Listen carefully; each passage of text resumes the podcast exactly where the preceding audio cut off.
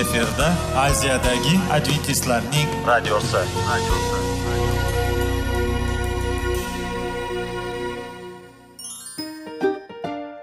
Assalomu alaykum aziz radio tinglovchilar.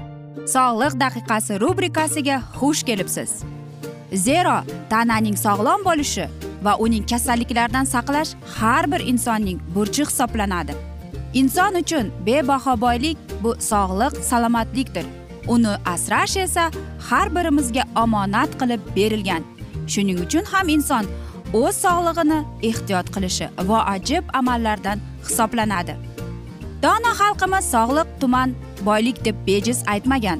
Aql idroq sohibi bo'lgan inson o'z hayotini qadrlashi lozim bo'ladi. Hozirgi kunda qanchalik dori darmonlar ko'paymasin tibbiy muassa sifati shifokorlar vasiyasi tibbiy texnika yaxshilanmasin. Agar insonning o'z salomatligi haqida qayg'urmasa kutilgan natijaga erishib bo'lmaydi va biz sizlarga bizning dasturimizga xush kelibsiz deymiz.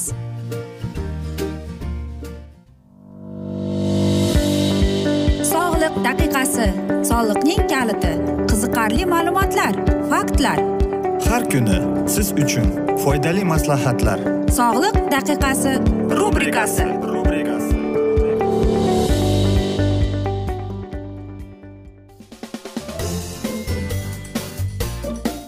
assalomu alaykum aziz radio tinglovchilar. Dasturimizga xush kelibsiz. Va biz sizlar bilan soliq formulasi degan dasturda xushvaqt bo'ling deb aytamiz. Va bugungi bizning dasturimizning mavzusi bu barqarorlik rivoji deb ataladi. Oxirgi o'n yillikda tadqiqotchilar nima uchun destraktutiv muhitda yashagan ayrim yoshlar jamiyat uchun xavfli xatti harakat qilmaydilar degan masala bilan qiziqtirdilar ular shunday xulosaga keldilarki bu holat barqarorlik degan termin bilan ataladigan hayotiy pozitsiya bilan bog'langan.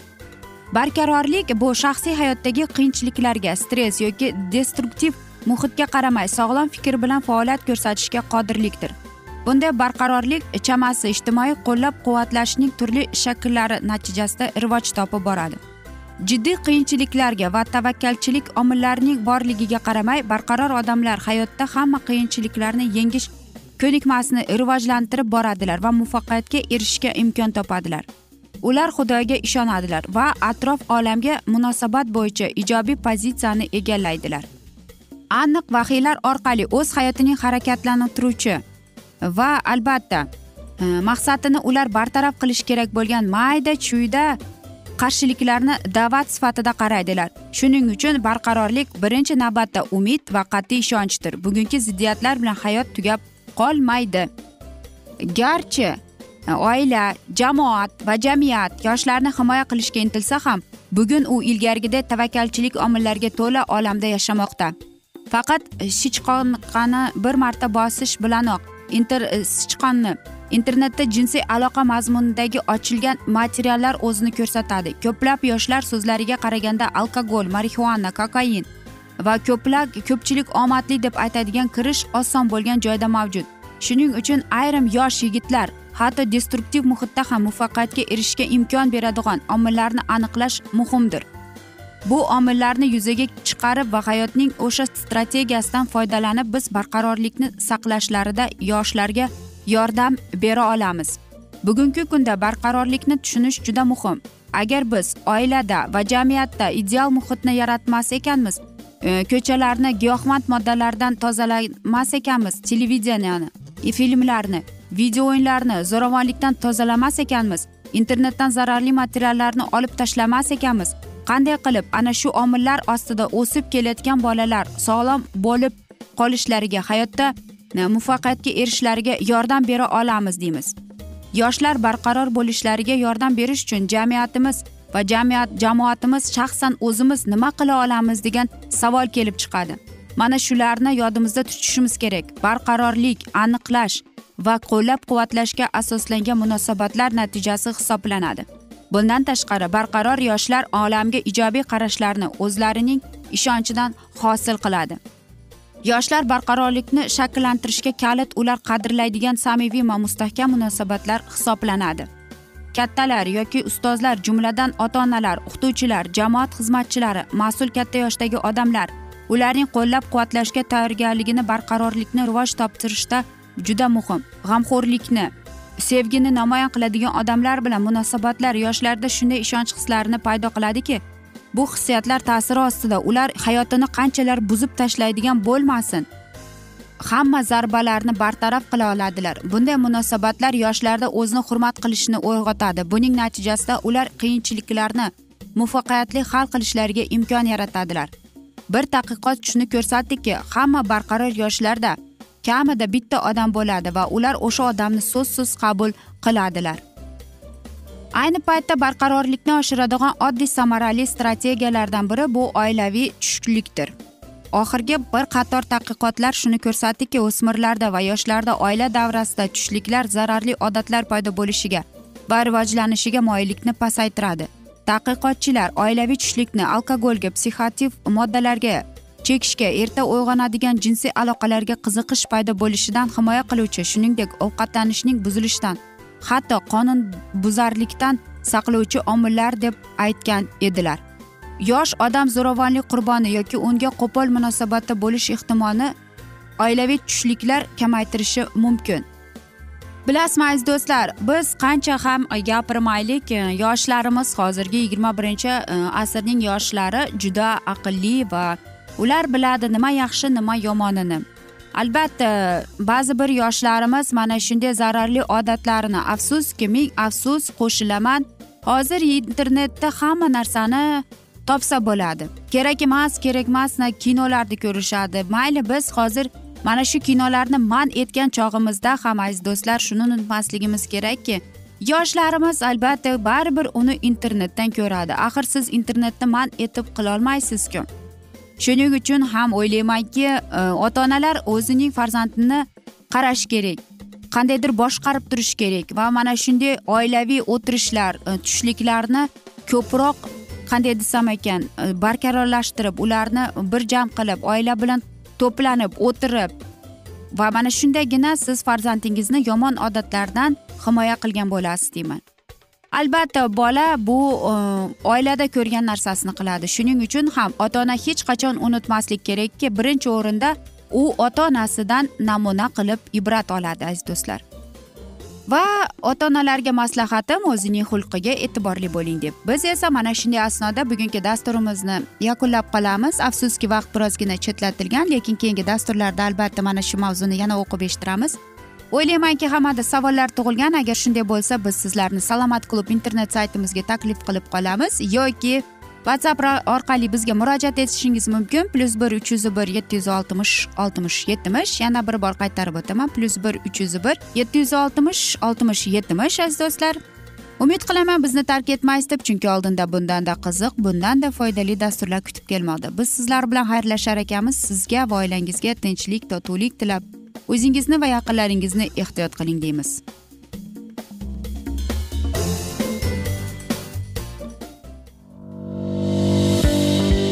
Sog'liq daqiqasi soliqning kaliti qiziqarli ma'lumotlar faktlar. Har kuni siz uchun foydali maslahatlar. Sog'liq daqiqasi rubrikasi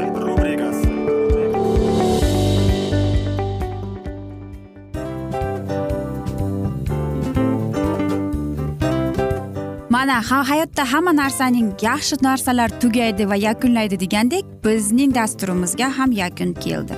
O'ylaymanki bizning dasturimiz sizga foydali bo'ldi deb aziz radio tinglovchimiz. Va siz o'zingiz uchun kerakli xulosalar kerakli maslahatlar olib oldingiz. Aziz radio tinglovchimiz biz bilan qoling va keyingi dasturlarimiz albatta undanda qiziqroq bo'ladi. Mana shu alfozda sizlar bilan xayrlashib qolaman.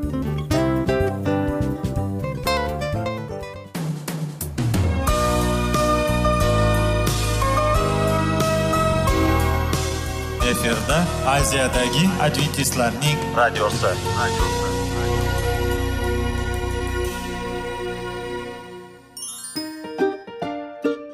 Assalomu alaykum aziz radio tinglovchilarimiz. Dil izhori dasturimizga xush kelibsiz. Pul insonni baxtli qiladimi? Albatta yo'q. Sog'liqchi albatta bo'lishi mumkindir. Lekin olimlar shuni isbotlashdiki to'liq va mukammal munosabatlar insonlarni baxtli qilar ekan. Albatta biz hayot davomida biz yaqin insonlar bilan odamlar bilan aloqada bo'lamiz va ular bilan munosabatlarimiz qanday kechadi qanday tuziladi? Yigit va qiz er va xotin ota ona va farzandlar va yaqin insonlar bilan. Balkim hozirgi vaqtda kimnidir hayoti yoki munosabatlari buzilyapti. Va bizning dasturlarimiz ularga yordam bo'ladi deb. Va oldinda sizlarni qiziqarli intervyular va mavzular kutyapti va biz umid qilamizki siz biz bilan qolasiz deb.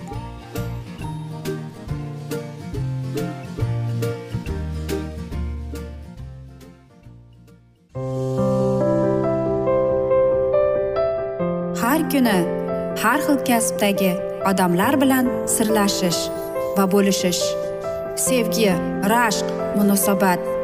Bularni hammasi dil izhori rubrikasida.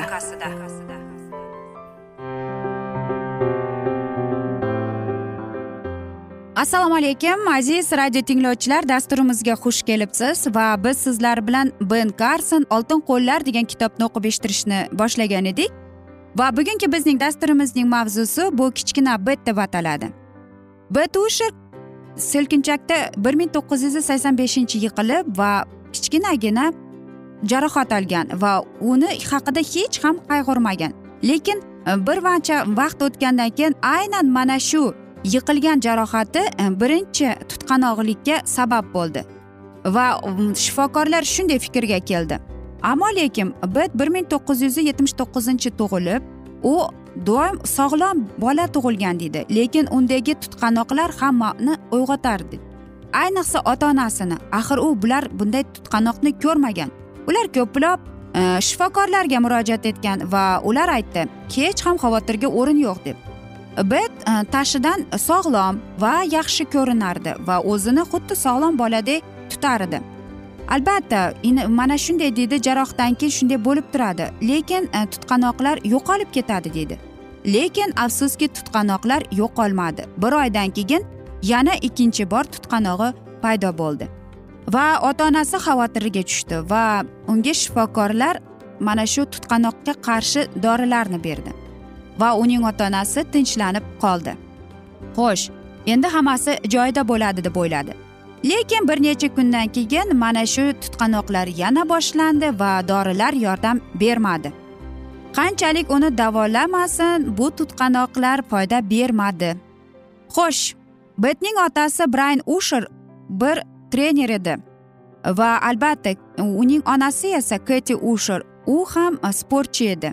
Brayn keti ular e, mana shu tibbiyot e, olib mana shu lug'atlar hamma e, jurnallarni o'qib o'rganib chiqishgan ekan. Nega bizning farzandimiz bilan aynan shunday bo'layotganini. Bir necha vaqtdan keyin ular bizning oldimizga kelib va e, jon frimendan so'radi bilasizmi biz e, ko'proq gemoferdakmiya haqida bilgimiz kelyapti deb.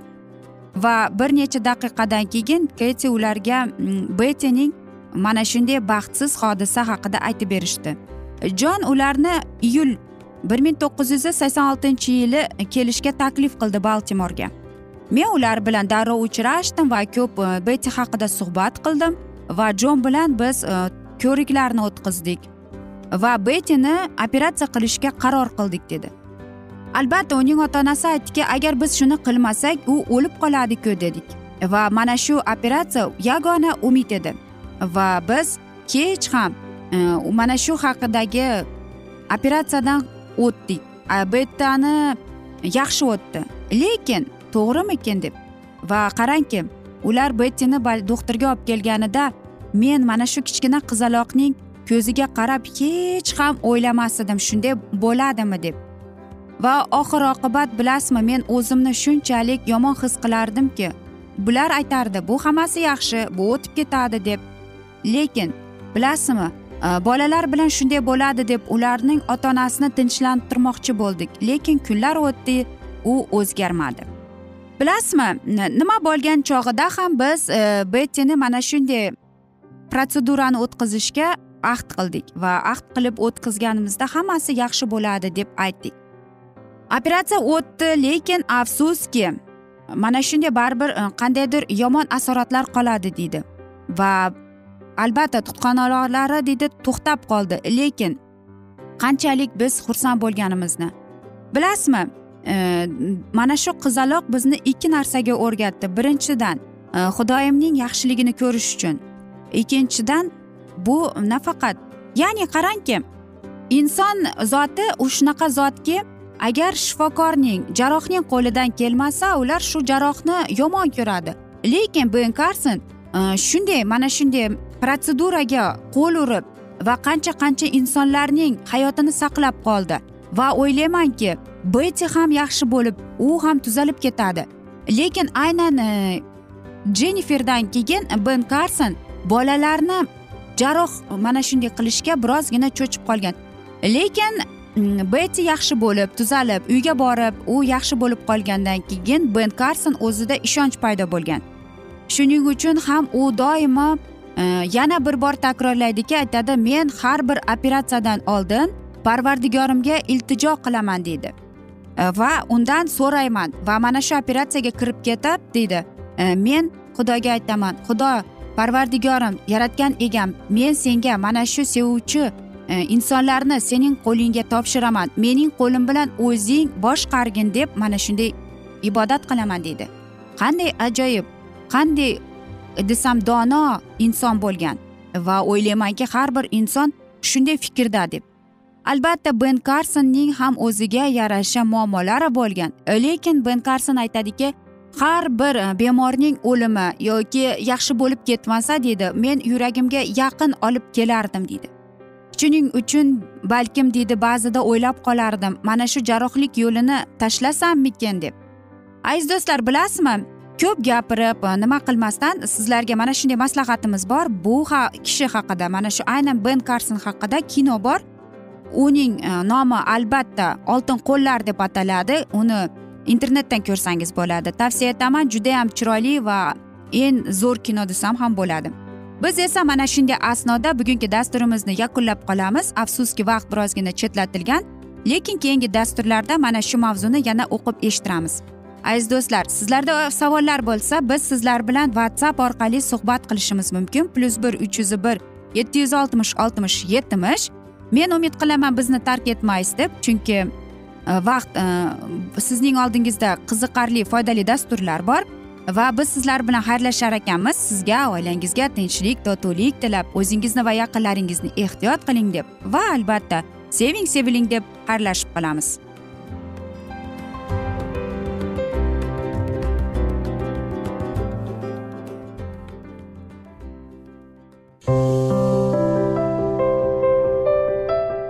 Har kuni har xil kasbdagi odamlar bilan sirlashish va bo'lishish sevgi rashq munosabat bularni hammasi dil izhori rubrikasida. Mana aziz radio tinglovchimiz bizning go'zal va foydali va chiroyli dasturimiz yakunlanib bormoqda. Sizlarga birozgina maslahat berib o'tmoqchi edik. Bir biringizni seving. Qadringizga yeting. Va erkalang albatta bir biringizni va sizga judayam chiroyli va mustahkam munosabatlar tilab qolamiz albatta. Sevgilingiz doimo yoningizda bo'lsin. Mana shu borada sizlar bilan xayrlashib qolamiz. Xayr.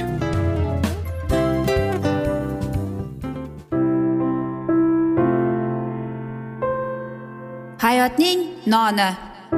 Qiziqtirgan savollar va javoblar. Buning hammasi ko'ngil uchun oziqa rubrikasida.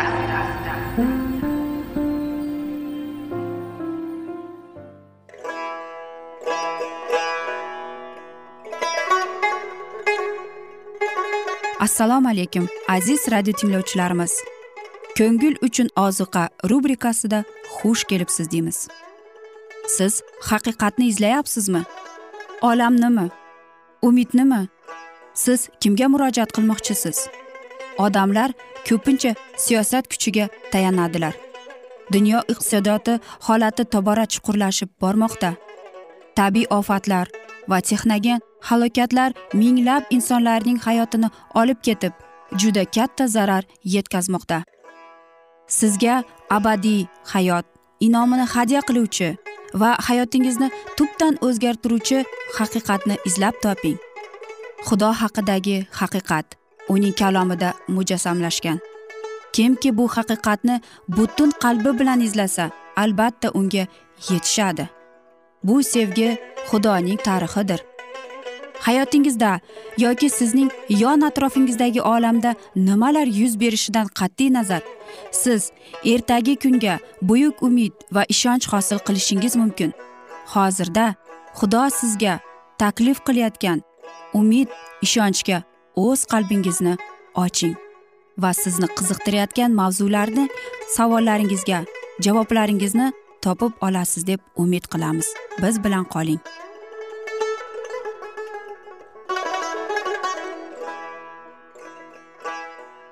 Assalomu alaykum aziz radio tinglovchilar. Dasturimizga xush kelibsiz va biz sizlar bilan ulug' otalar va payg'ambarlar deb nomlangan kitobni o'qib eshittirishni boshlagan edik va bugungi bizning dasturimizning mavzusi balom deb ataladi va biz sizlar bilan o'tgan galgi mavzuni yana davom ettiramiz.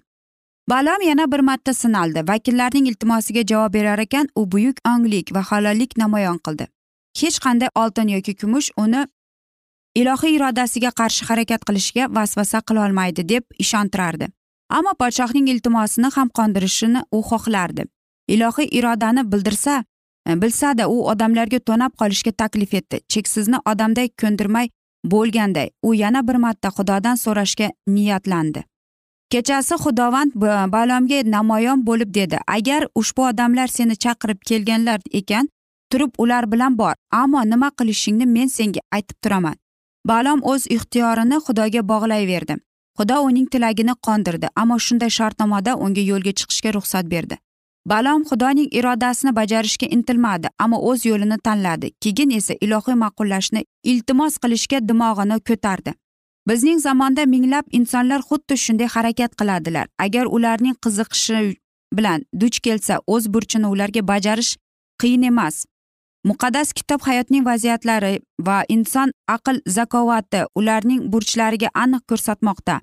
Ammo bu dalillar ularning ehtiyojlariga va intilishlariga ziddiyatli bo'lgani sababli ularni tark etadilar va keyin o'zlarining burchlari to'g'risida xudodan so'rashga jasurlanadilar. Ular buyuk onglikda tug'ilganday yorug'lik iltimos qilib vaqtlarini uzun va issiq ibodatlarda o'tkazadilar ammo parvardigori bilan hazillashib bo'lmaydi. Odamlar o'z ehtiyojlariga bino harakat qilishiga va keyinchalik achchiq samara yig'ilishlariga u ko'pincha yo'l qo'yadi. Biroq xalqim gapiga quloq solmadi. Men ularni o'jarligi bo'yicha qoldirdim. Mayli o'z xayollari bilan borsin dedi. Inson o'z burchini aniq ko'rib bila turib ushbu burchdan bo'shamoq uchun u xudoga ibodatda murojaat qilish mumkin emas. Aksincha uning zimmasiga qo'yilganini bajarish uchun u kamtarlikda ilohiy donolikni iltimos qilishi lozim. Muaviylar tushkunlikka yuz tutgan majusiy xalqi bo'lib ularning aybi osmon ko'zi o'ngida balomning aybiga nisbatan katta emasdi. Chunki ular e, olgan yorug'likka munosib qilin hukm qilinar edi. Balom esa ilohiy payg'ambar sanalib uning aytilganlari ilohiy iroda kabi tan olinib tushunardi. Shuning uchun unga xohlaganini gapirishga ijozat berilmadi. Aksincha u faqat xudo buyurganini gapirishi lozim edi. Men senga nima desam shuni qilgin ilohiy buyruq e'lon etdi. Agarda muafdan kelgan vakillar ertalab uning huzuriga kirib o'zlari bilan uni chaqirsa faqat shunda ular bilan jo'nashga balom ijozat oldi. Ammo uning birinchi tonishidan mazlum bo'lgan vakillar ikkinchi marta ham e, bosh tortishni ko'zda tutib unga boshqa murojaat qilmay qayta yo'lga chiqdilar. Shunday qilib baloqning iltimosini qondirish uchun boshqa sabab qolmadi.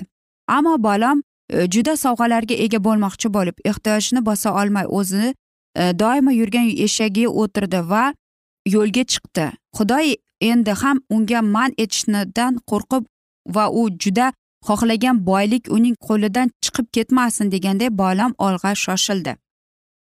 Uning yo'lini to'sish uchun xudovandning farishtasi yo'lda tikka turdi.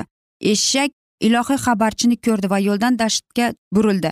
Eshagini shafqatsiz qamchilab uni suqmoqqa qaytarishga majbur qildi. Ammo ikki devor orasidagi tang yo'lakda yana farishta ko'rindi va bechora hayvon dahshatga soladigan siymodan chetga intilmoqchi bo'lganida o'z xo'jayinining oyog'ini devorga qisdi. Balam farishtani ko'rmas edi va uning yo'lini xudo to'sganini bilmas edi.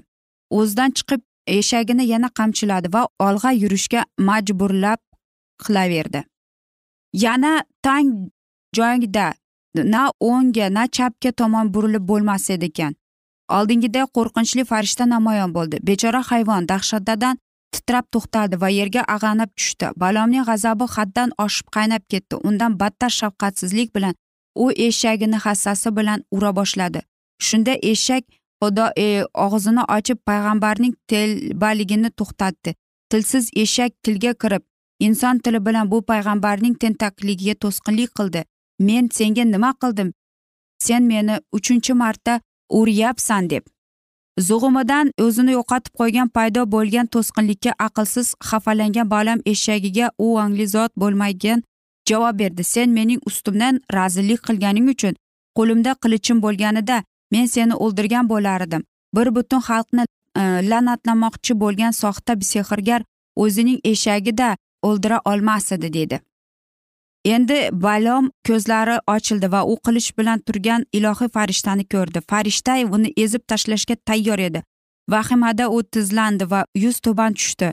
Farishta dedi unga sen eshagingni mana endi uch marta nima uchun urding?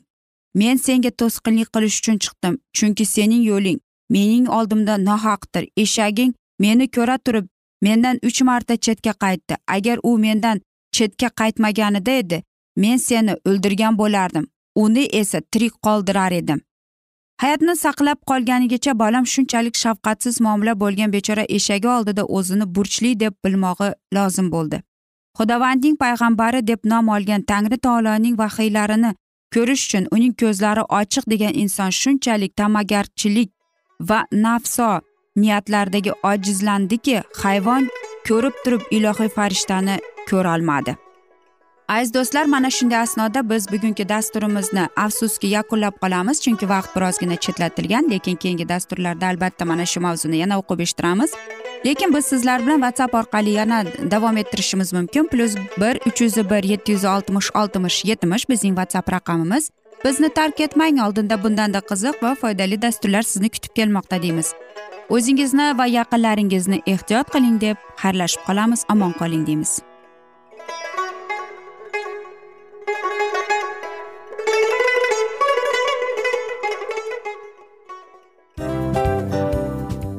Afsus afsus. Hamma yaxshi narsaning ham yakuni bo'ladi degandek bizning foydali va qiziqarli dasturlarimiz ham yakunlanib qoldi. Va men umid qilamanki bizning dasturlar sizga ozgina bo'lsada maslahat berdi foyda berdi. Va sog'liq borasida ayniqsa sizlarga foydali bo'ldi deb. Va siz bizning maslahatlarga amal qilasiz deb.